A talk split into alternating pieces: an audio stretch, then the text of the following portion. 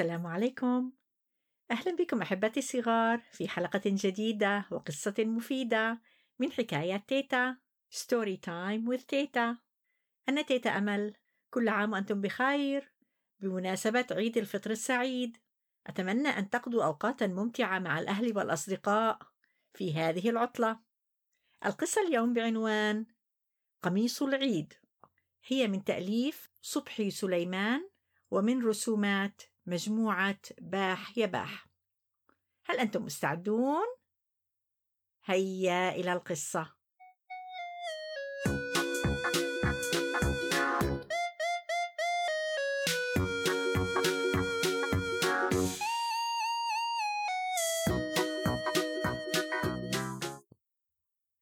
ها قد انتصف الليل ولم تنتهي من حوك قميصي يا عما. هكذا تحدث عماد. مع الخياط العم حسان. قال العم حسان لا تستعجل الأمور يا بناي فقد تعطلت آلة الخياطة منذ الصباح وها أنا أخيط لك قميصك بالإبرة والخيط وغدا صباحا سأنهيه.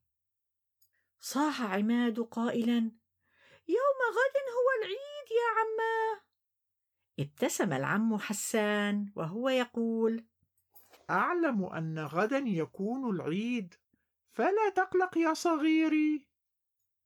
نظر عماد إلى القميص وقال أنت تعلم يا عماه أن أمي تعبت كثيرا في ادخار نقود هذا القميص لأنه الشيء الوحيد الجديد الذي سألبسه غدا.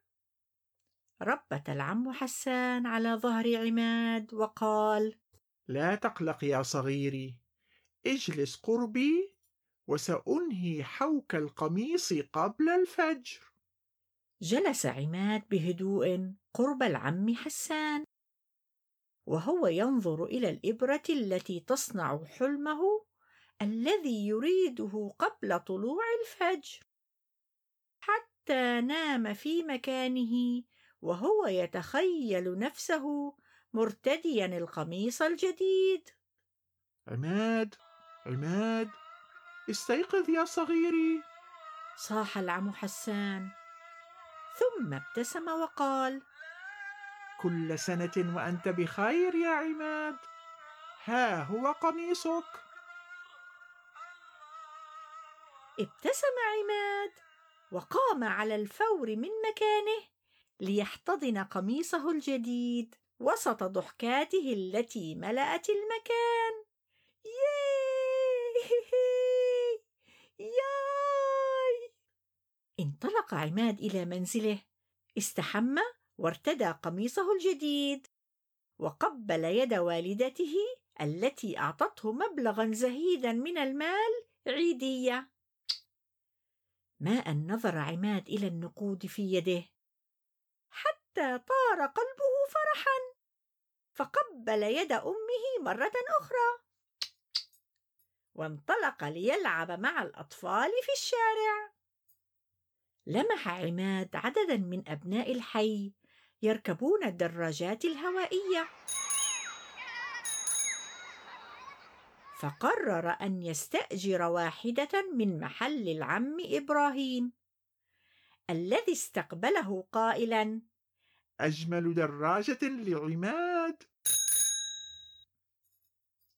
ركب عماد الدراجة ولعب كما لم يلعب من قبل. ملأت السعادة قلبه الصغير وشعر بفرحة العيد التي ينتظرها كل سنة.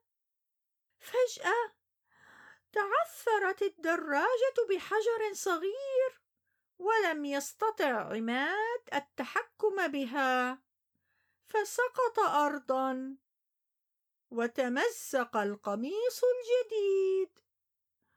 نظر عماد إلى القميص الجديد الذي تمزق بقسوة ولم يبال بالآلام التي شعر بها. أمسك بالدراجة. ووقف مجددا. وأحس أن قلبه هو الذي تمزق لا قميصه. توجه عماد إلى العم إبراهيم وأعاد له الدراجة. ثم حاول إعادة الجزء الممزق من القميص إلى مكانه إلا أنه لم يستطع. نزلت دموع عماد من عينيه من دون أن يشعر بها. وطأطأ رأسه وتوجه نحو بيته وهو في قمة الحزن والأسى على ما حدث. تعال يا صغيري أريدك في أمر هام. نظر عماد إلى مصدر الصوت فوجد العم حسان ترى هل تعرفون لماذا طلب العم حسان من عماد أن يحضر إليه؟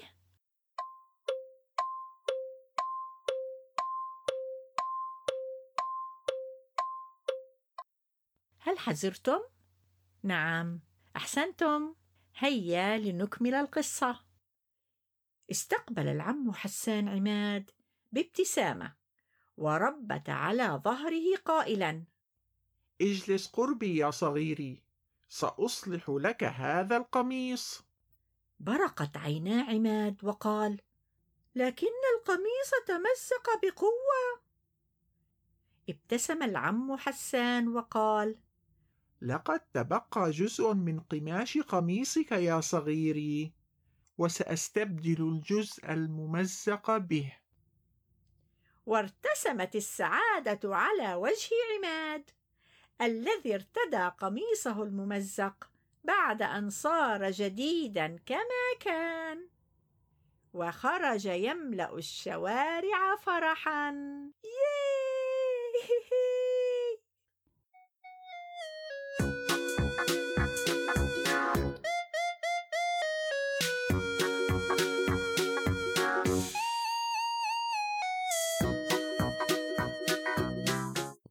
هذه القصة من منشورات دار أصالة للنشر. أتمنى أن تكون قد أعجبتكم هذه القصة. تابعوني على قناة اليوتيوب الجديدة Story Time with تيتا واستمعوا إلى القصص الجميلة التي أرويها لكم. إذا أعجبتكم القصص اعملوا لي like واشتركوا في القناة. وإلى أن نلتقي أحبتي الصغار في حلقة جديدة وقصة مفيدة. أنا تيتا أمل أقول لكم كل عام وأنتم بخير وفي أمان الله.